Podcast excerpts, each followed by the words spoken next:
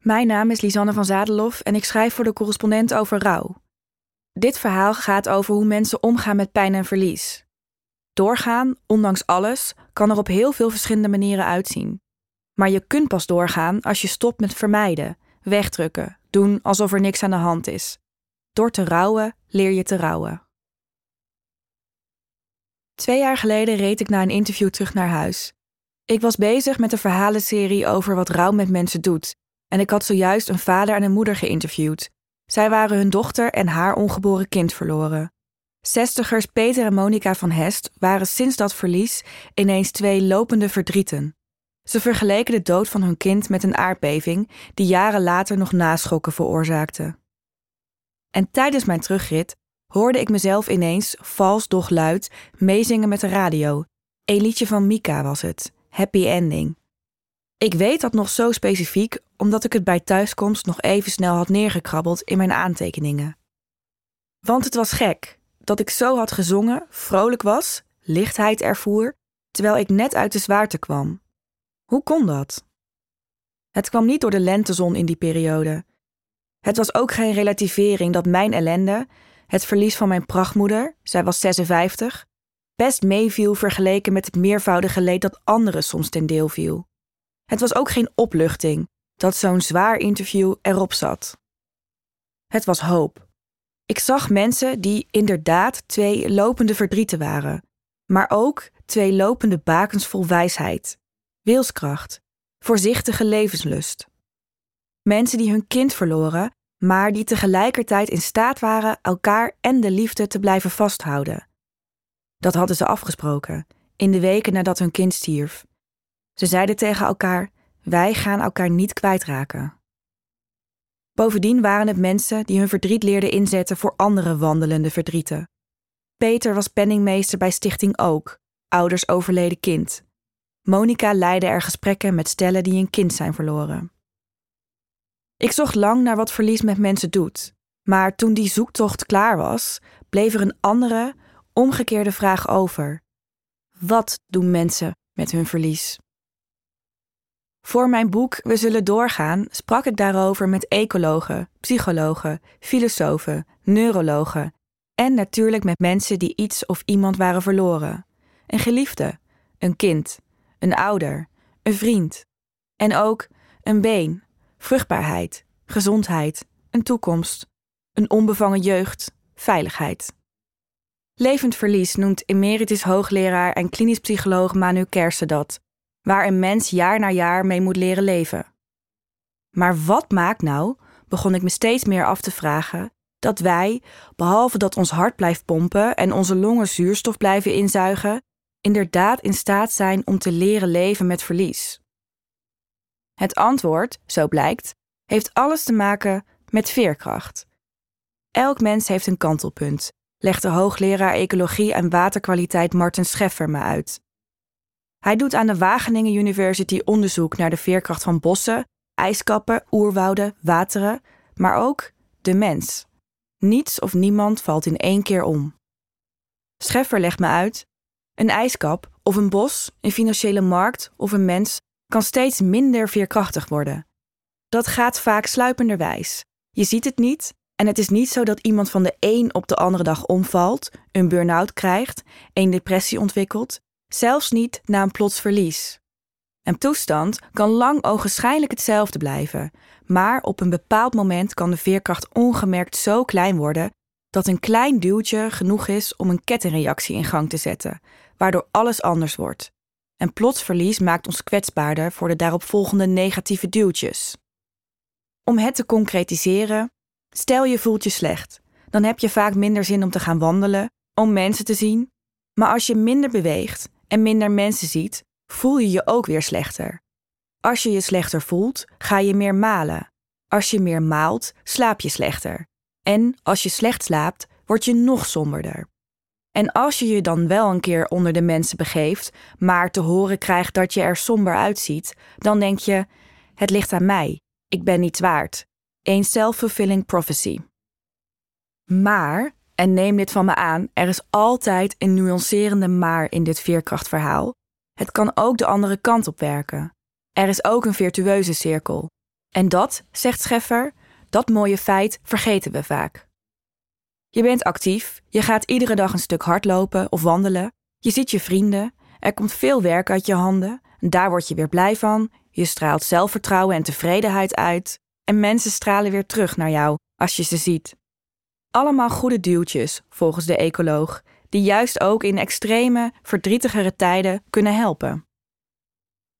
Wie in mentale of fysieke nood verkeert, helpt zichzelf door erachter te komen: wat zijn mijn goede duwtjes? En daar zit een ingewikkelde crux. Veerkracht ontwikkel je nadat je haar nodig hebt. Zo vertelde Hanna mij, die op haar 32e te horen kreeg dat ze geen kinderen kan krijgen, terwijl ze die wens wel heel vurig had. De ervaring dat je iets aan kan en hoe je dat dan doet, krijg je pas na het onheil. Nu, een paar jaar later, weet ik hoe ik met mijn onvruchtbaarheid moet omgaan. Dus pijn leert je om te gaan met pijn. Maar we hebben doorgaans sneller de reflex pijn te verdoven dan te voelen. De samenleving faciliteert dat ook. We leven in een maatschappij die illusionaire maakbaarheid veinst, waarin mensen aan elkaar vragen alles goed en dan eigenlijk alleen maar een standaard ja willen horen. We maken liever ruimte voor geluk dan voor ongeluk, vooral in de digitale etalage die Instagram heet. Ik wilde lange tijd niet voelen, vertelde Wiam al-Sabari mij, die als 13-jarig jochie Irak ontvluchtte en jaren volhield dat hij geen trauma's had. Trauma's, zei hij altijd, dat is iets voor militairen. Tot al-Sabari, nu 41, een paar jaar geleden de bekende oorlogsfilm Saving Private Ryan in de bioscoop zag. De film die daarop volgde begon noodgedwongen een half uur later dan gepland, omdat al-Zabari niet meer kon stoppen met huilen. Zijn toenmalige vriendin, nog het personeel, kon hem troosten. Wat volgde was een heel, heel lang proces van praten, met zijn naaste, met een psycholoog en met zichzelf. Met het bange kind in hem, dat bij bomgeweld altijd onder de trap ging zitten, handen voor de oren. Hij zegt: Ik ben daar zo lang niet naartoe gegaan. Ik had het weggestopt. Pas toen ik erheen ging, in mijn hoofd, werd het lichter. Dat wat je wegdrukt, is een metaforische tennisbal. Zo leerde ik van een 14-jarig slachtoffer van het toeslagenschandaal, Anasja. Die bal, zei ze, dat is je verdriet. En wat doen we ermee? We stoppen hem doorgaans graag, vermijdend als we zijn, onder water. Het is er niet, het is er niet, het is er niet. Tijdens ons gesprek had Anasja naar haar buik gewezen. Daar, precies daar, ging de pijn zitten, doordat ze er niet over sprak, het niet voelde, de tennisbal maar wegdrukte. Er volgden paniekaanvallen op het schoolplein.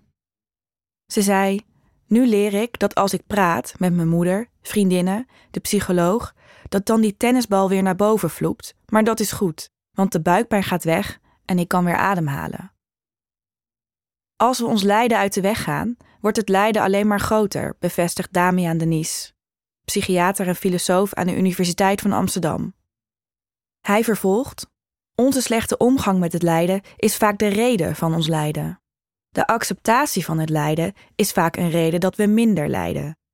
Als je dan daadwerkelijk aan de pijn denkt en hem voelt door er naar te ademen, wordt de pijn lichter. Dat komt doordat je het ten volste beleeft. Als een heel betekenisvol iemand is overleden, heeft dat impact op je leven. De diepte van je lijden zorgt ook dat er een betekenis uitvloeit, die je altijd met je mee zult dragen. Veerkracht vraagt dus om flexibiliteit, om meebewegen met de pieken en dalen van het leven. En daarin zit dus ook een bepaalde mate van overgave, acceptatie of, voor wie dat, net als ik, een te groot woord vindt, verdraging. Ik vind het zelf makkelijker om te verdragen dat mijn moeder vroeg stierf dan dat ik dat moet accepteren. Je leeft, dus je lijdt soms. En hoe we dat lijden ondergaan en met welk gemak we vervolgens weer lichtheid kunnen ervaren, is afhankelijk van ontelbaar veel factoren in en rondom ons in zowel ons verleden als het heden. Veerkracht ontstaat deels in onze vroege jaren. Hebben we ons goed leren hechten? Hebben onze ouders of opvoeders ons geleerd dat het leven ook moeilijkheden kent en hoe we daar dan gezond mee om moeten gaan? En het zit deels ook in onszelf. Hoe fantasierijker de mens, hoe hoopvoller. En wie hoopvol is, is in staat aan het eind van de tunnel, hoe donker en lang die tunnel ook is, licht te zien. De hoopvolle weten zich actief naar dat licht te bewegen. Zo leerde Emma Pleging me, die op dit onderwerp promoveerde aan de Erasmus Universiteit. Ook in onze genen zit verankerd hoe we met trauma en verlies omgaan. Zo ontdekten onderzoekers aan het UMC Utrecht dat bij veel mensen met een jeugdtrauma het DNA zich heeft aangepast. Dachten de onderzoekers aanvankelijk dat het een schadelijke aanpassing was, een lelijk litteken, nu blijkt die aanpassing juist bij te dragen aan ons veerkrachtmechanisme. En de een heeft flexibelere genen dan de ander. Het maakt dat de ene militair wel met PTSS uit oorlogsgebied komt en de ander aanzienlijk minder klachten heeft. Onderschat ook de veerkrachtfunctie van je vrienden, je vangnet, niet, vertelt Anna-Laura van Harmelen me. Ze is hoogleraar veiligheid en veerkracht aan de Universiteit Leiden. Ze vervolgt: Hoe dat precies werkt, weten we in de wetenschap nog niet. Het is een open vraag. Het kan het reguleren zijn. Hoe ga je met anderen om? Hoe ga je met stress om? Hoe praat je over stress? Of het uiten van emoties. Daar kunnen vrienden ook bij helpen. Dat iemand begrip toont, je een spiegel voorhoudt, dat je je gehoord voelt, minder eenzaam ook. Het kan zijn dat mensen minder stress ervaren door simpelweg afleiding te vinden bij anderen. Het is, zo zegt Van Harmelen, een hoopvolle boodschap die ons tegelijkertijd aan het werk zet. Als je niet veerkrachtig bent, zegt ze, kun je het worden. Maar het betekent ook dat je eraan moet werken. Het is niet iets wat stabiel is. Niet voor niets zijn er veel psychiaters en hoogleraren die er hun werk van hebben gemaakt om anderen te leren hun minder ontwikkelde veren aan te boren. Veerkracht is als een spier. Het zit weliswaar in je karakter, in je genen, in je opvoeding, in je vangnet, je instelling. Is je glas doorgaans half vol of niet? Maar het is daarom nog niet statisch of biologisch gedetermineerd. Veerkracht is geen superheldenverhaal. We zijn volgens de psychologie en biologie in staat om het aan te boren en te vinden, maar het is niet één knop. Het is hard werken. Was getekend zo ongeveer iedereen die ik ooit interviewde over verlies. Want verlies, ellende, verdriet, ondonderen, dat alles is misschien wel een voorwaarde voor veerkracht. We boren het pas aan als de noodzaak er is. De zoektocht naar wat jouw persoonlijke goede duwtjes kunnen zijn, is er een die vaak vanaf de bodem van de spreekwoordelijke put wordt gestart. Voor de 80-jarige Jan was, na het verlies van zijn vrouw, een van de duwtjes het tuinieren. Hij wordt elke dag wakker om naar zijn, of eigenlijk haar, plantjes te shocken. Voor Zahira Moes, 39 jaar, die meerdere malen werd verkracht, is dans een belangrijke duw. Kunnen bewegen, iets doen met dat verdriet. Voor zestigers Jan en Bart Hornix, die hun dochter verloren bij de MH17-ramp, is lotgenotencontact belangrijk. Maar dan wel met lekker eten, goede borrels en fijne gesprekken. En de 49-jarige Arel Dingemans, die langzaam blind en doof wordt door een zeldzame ziekte, is als een malle gaan reizen door zijn fysieke deadline. Hij ziet naar eigen zeggen veel meer sinds hij weet dat hij straks niet meer kan zien. Juist door die slechte ogen van me heb ik nu een geweldig leven. Filosoof Damian Denis legt me uit: bij veerkracht gaat het erom in hoeverre je betekenis kunt toekennen aan je ellende. Cognitieve herwaardering wordt dat in de psychologie genoemd. Terugveren zou ik het zelf willen noemen. Maar, weer die nuance maar, we veren eigenlijk nooit helemaal terug.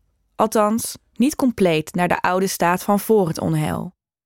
Dat kan niet, want dat wat we meemaken verandert ons. Het streven naar een happy ending is te simplistisch, te oppervlakkig, een illusie. Het leven zit gelaagder in elkaar. Er ontstaan krassen op de ziel, eeltvorming volgt daarna. Er zijn nieuwe wijsheden, ervaringen, nieuwe vriendschappen, vaardigheden, hobby's, passies, dromen en liefdes ontdekt. Verdriet komt, troost volgt. Je raakt uit balans, maar traint zo de spieren om uiteindelijk opnieuw evenwicht te vinden. De correspondent bestaat tien jaar. Al tien jaar maken wij journalistiek voorbij de waan van de dag. Journalistiek die niet polariseert, maar perspectief biedt. Die geen ophef najaagt, maar oplossingen zoekt.